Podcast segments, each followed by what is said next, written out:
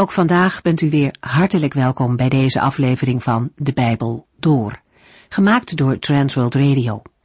Voor meer informatie kijkt u dan op onze website transworldradio.nl.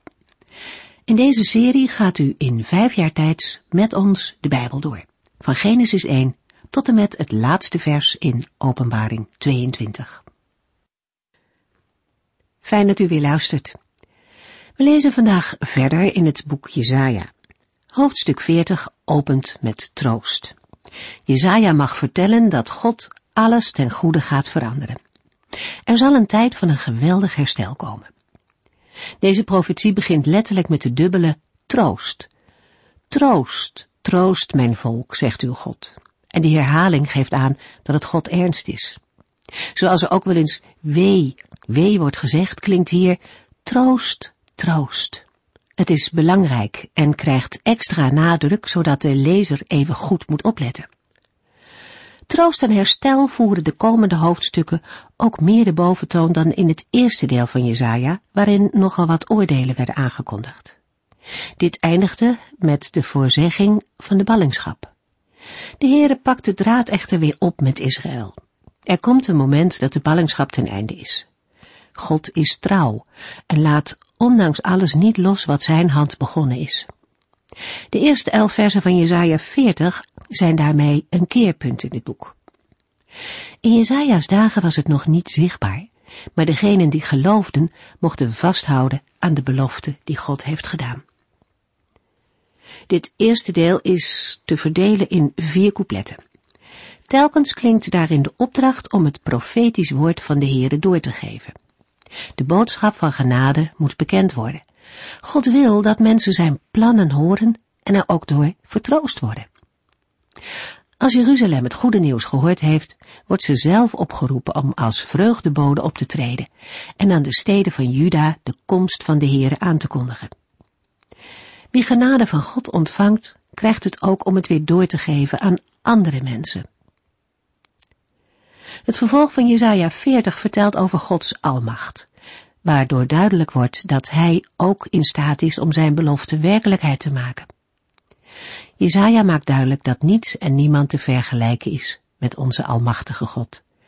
En tegelijkertijd ziet die grote, machtige God om naar elk van zijn schepselen. Hij geeft nieuwe kracht aan wie zwak en vermoeid is. Wij lezen verder vanaf Jesaja 41. In het voorgaande gedeelte in Jesaja 40 kwam naar voren dat niets of niemand, geen machtig volk, geen andere God met de Heer is te vergelijken.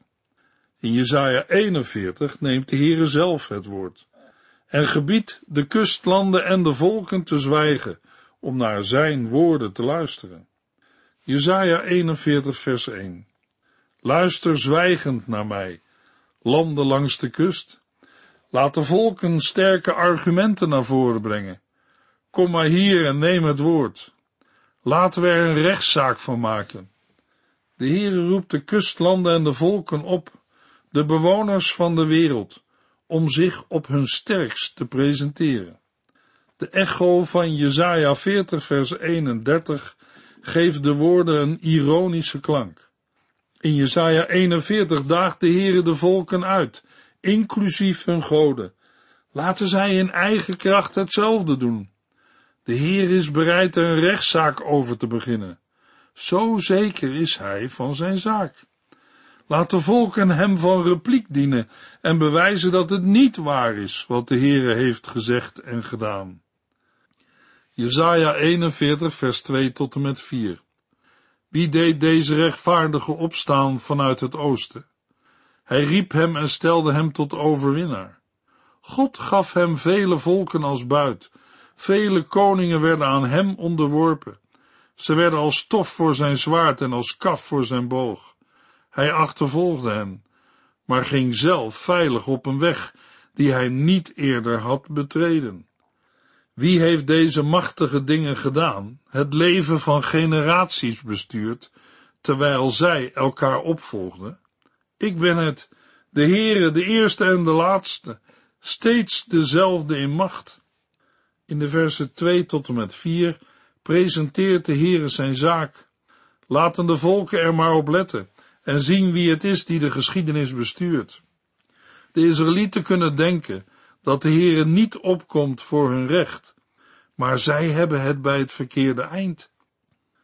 De beheerser van de geschiedenis, de Heere, roept een heerser vanuit het oosten, die vele volken zal onderwerpen. Deze profetie heeft vermoedelijk betrekking op Cyrus, de Perzische koning, die het Babylonische Rijk versloeg en de Judeërs liet terugkeren naar Jeruzalem. Hij wordt in de Hebreeuwse tekst van Jesaja 41 niet met name genoemd. Het gaat in Jesaja 41 nog niet om de identiteit van de toekomstige veroveraar en heerser, maar alleen om het handelen van de Heere, die hem gezonden heeft en dit tevoren bekend maakt. De overwinning van de heerser is een uiting van gerechtigheid, omdat de Heere, die trouw blijft aan zijn verbond met Israël, niet toestaat dat vijanden zijn volk angst aanjagen. De Heere levert de koningen uit aan de veroveraar, en hij maakt dat zij zich aan deze heerser onderwerpen. Waarom de Heere deze veroveraar roept, wordt in Jesaja 41 nog niet genoemd. Verderop blijkt dat de Heere dit doet omwille van Israël, dat verlossing ontvangt, en omwille van zichzelf, en de eer die hem daarvoor toekomt. Wie is het die dit tot stand heeft gebracht? Wie heeft deze krijgsheld gezonden en hem overwinning op overwinning geschonken? Wie is het die de generaties tot aanzijn roept? De Heere geeft zelf het antwoord. Hij zelf is de eerste en de laatste. Hij is het die dit heeft gedaan. Generaties gaan en komen, wereldrijken komen op en verdwijnen weer, maar daarboven staat de Heere die alles bestuurt. Bovendien maakt de Heere duidelijk dat Hij de enige is van wie dit kan worden gezegd. De goden van de andere volken vallen bij hem in het niet. Jesaja 41 vers 5 tot en met 7. De landen aan de overzijde van de zee kijken angstig toe.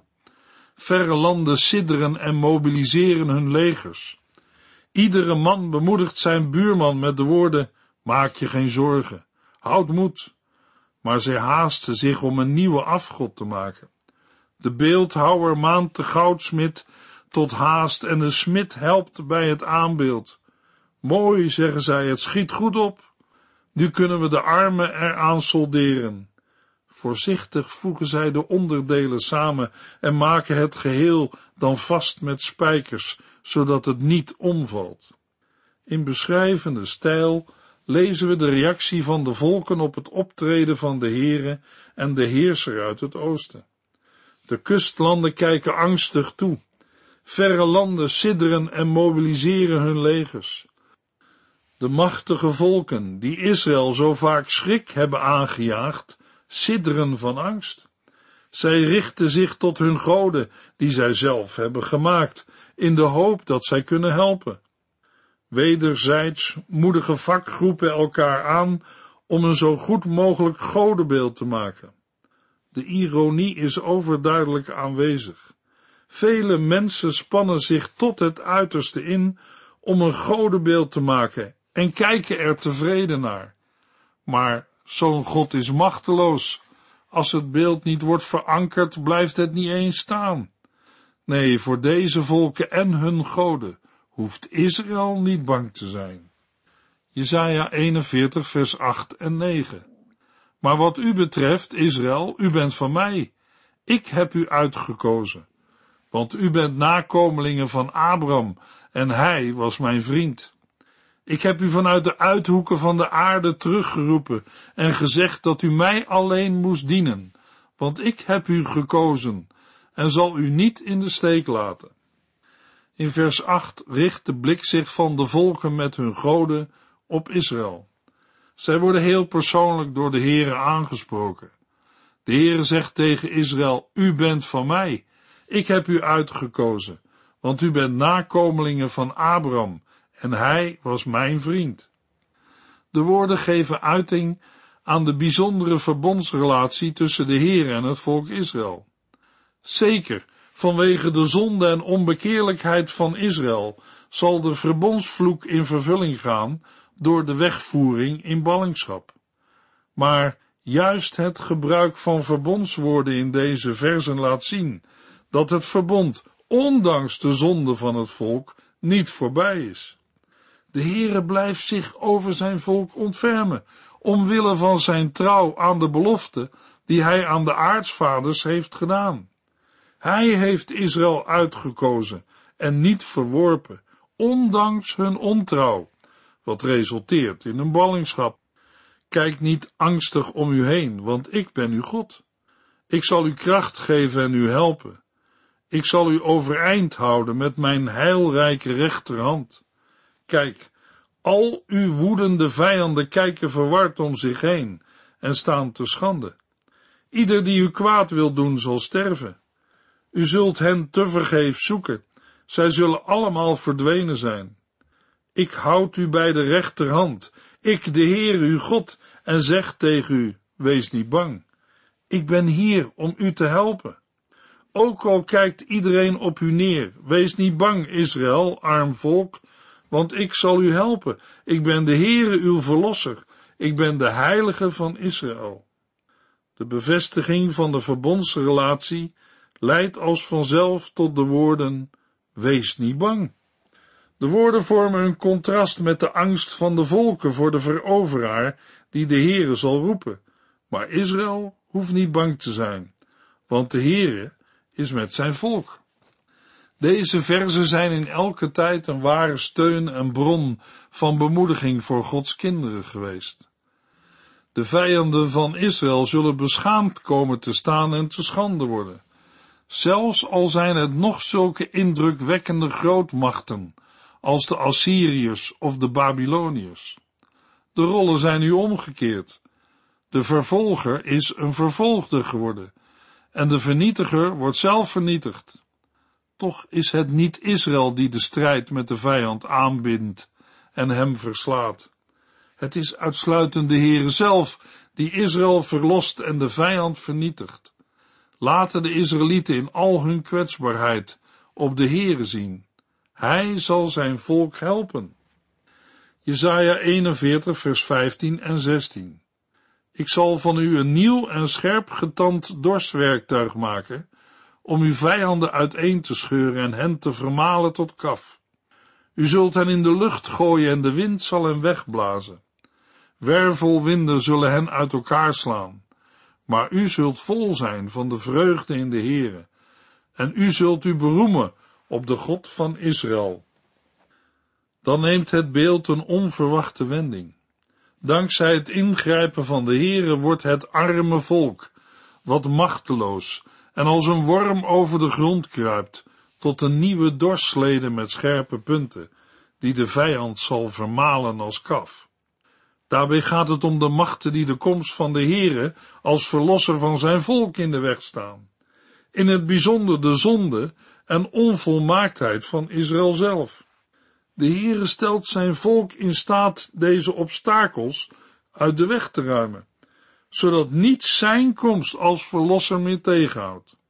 Niet voor niets loopt de profetie uit op vreugde.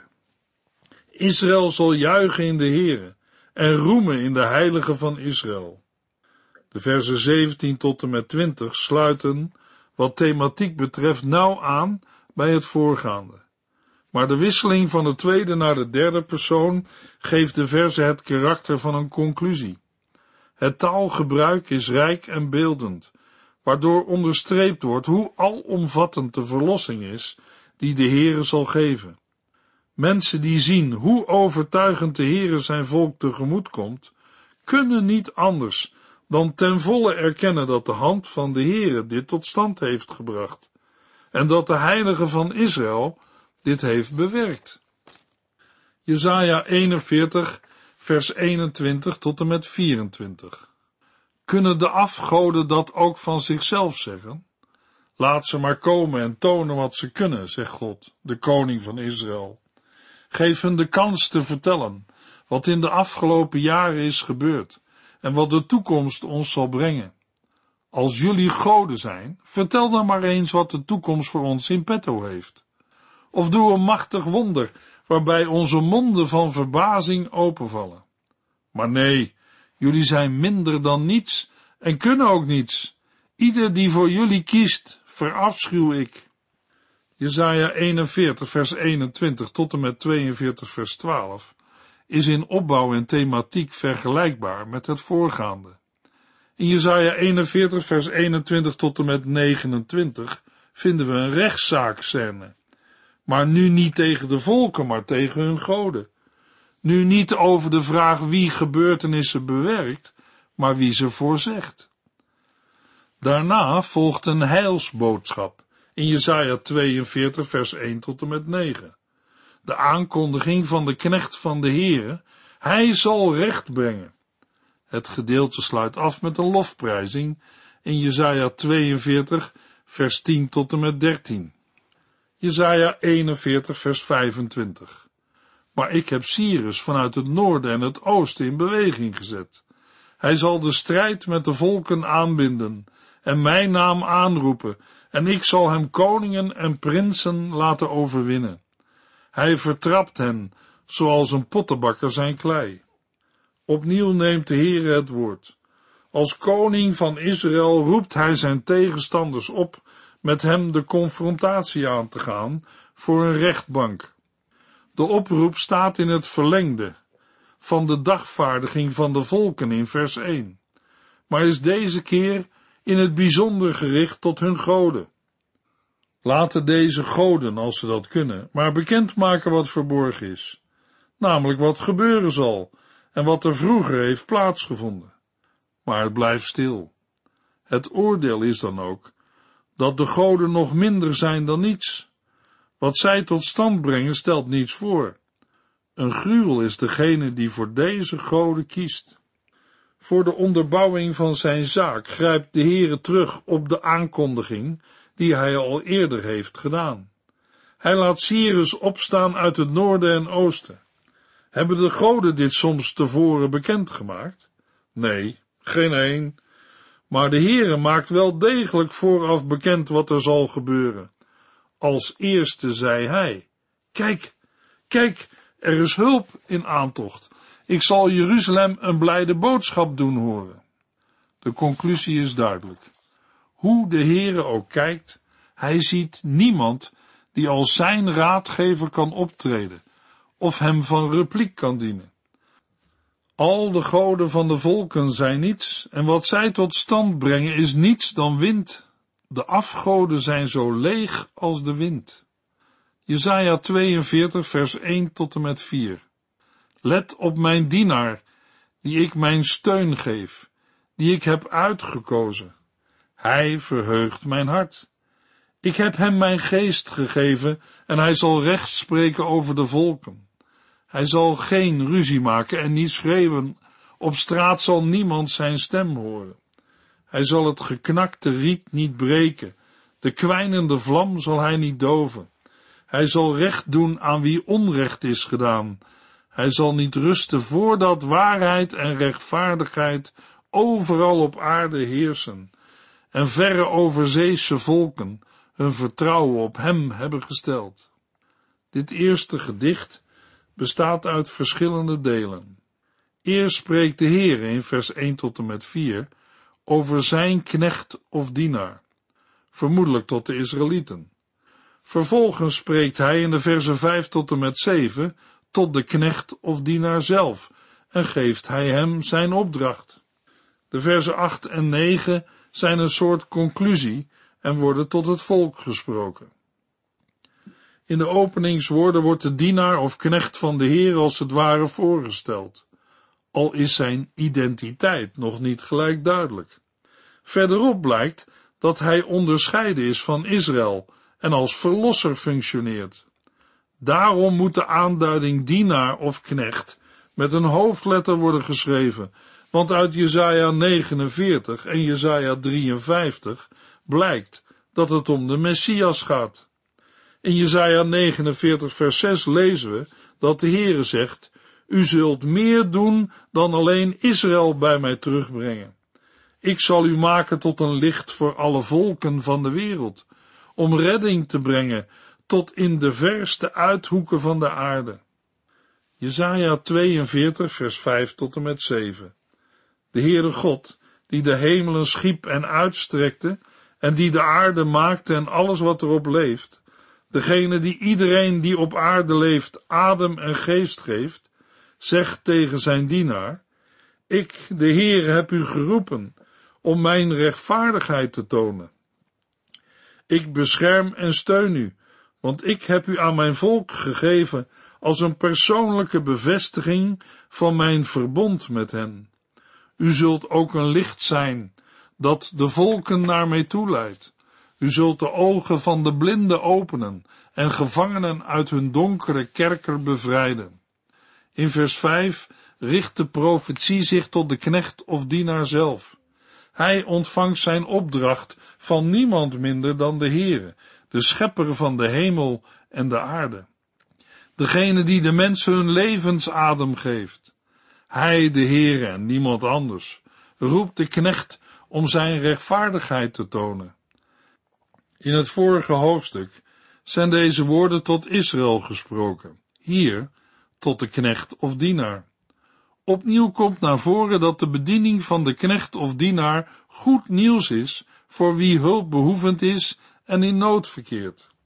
Van Israël en de volken zal hij blinden de ogen openen, gevangenen uit de duisternis bevrijden. Wie is de knecht of dienaar van de Heere? In Jesaja 41 werd Israël als zodanig aangeduid. Maar in Jesaja 42 wordt van de genoemde knecht of dienaar gesteld dat hij een persoonlijke bevestiging is van Gods verbond met Israël en is hij daarvan onderscheiden. Het is de Messias, de ideale vertegenwoordiger van het verbondsvolk, die de rechtvaardigheid brengt waar Israël zo naar hunkert en die er ook voor de volken is. In het Nieuwe Testament worden de woorden van deze profetie toegepast op de Heer Jezus. Jezus is de knecht of dienaar van de Heere, die verlossing brengt voor Israël. Jesaja 42 vers 8 en 9 Ik ben de Heere, dat is mijn naam, en ik zal mijn glorie niet aan iemand anders geven. Ik zal de lof die mij toekomt niet delen met gesneden beelden. Alles wat ik profeteerde is uitgekomen en nu zal ik opnieuw profiteren. Ik zal u vertellen wat in de toekomst gaat gebeuren, voordat het echt gebeurt. De laatste twee versen vormen een afsluiting en brengen de aankondiging van het optreden van de knecht of dienaar in verband met de even ervoor gevoerde polemiek tegen de goden, die niet in staat zijn toekomstige gebeurtenissen bekend te maken. Jesaja 42 vers 10 tot en met 12. Zing een nieuw lied voor de Heere. Zing zijn lof allen die in de verste uithoeken van de aarde leven. Zing, o zee, zing allen die in de verre overzeese landen wonen. Voeg u bij het koor, steden in de woestijn, Kedar en Sela.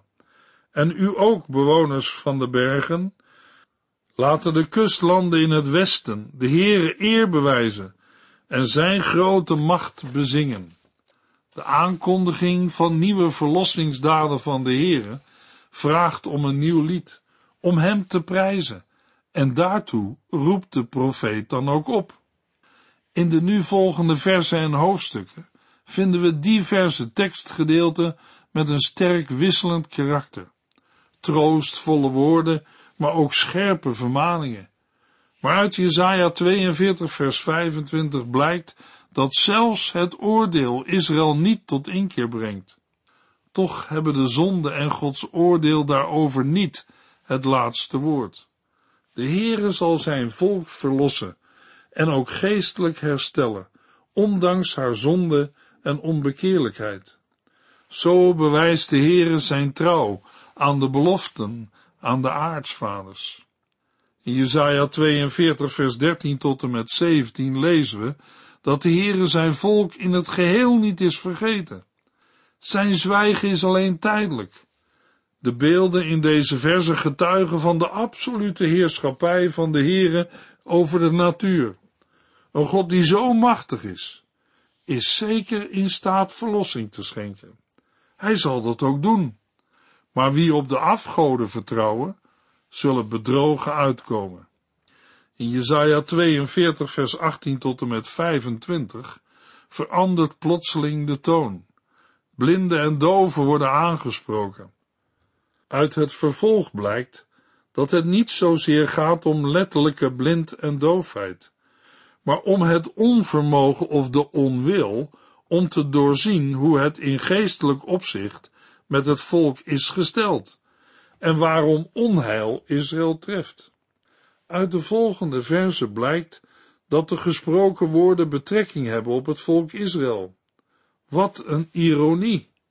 Israël, geroepen om als knecht van de Heere, blinden in het licht te leiden, blijkt zelf blind en doof. Jesaja 42, vers 22, 24 en 25. Maar wat ziet zijn volk eruit? Zij die de hele wereld de glorie van zijn wet moesten laten zien. Ze zijn beroofd en gevangen genomen, uitgezogen en tot slaaf gemaakt.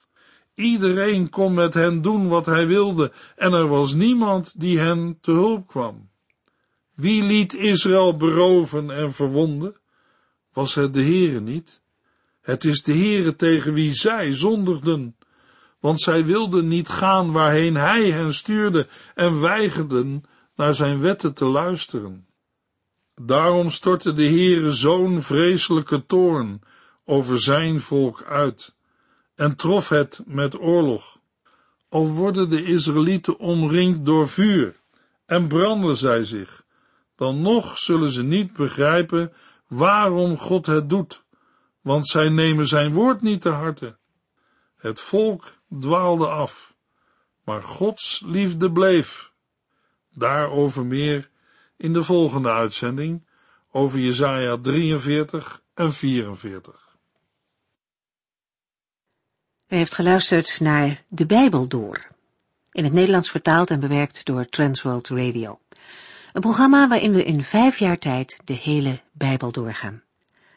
Als u wilt reageren op deze uitzending of u heeft vragen, dan kunt u contact met ons opnemen. Tijdens kantooruren kunt u bellen op 0342 478432. 0342 478432.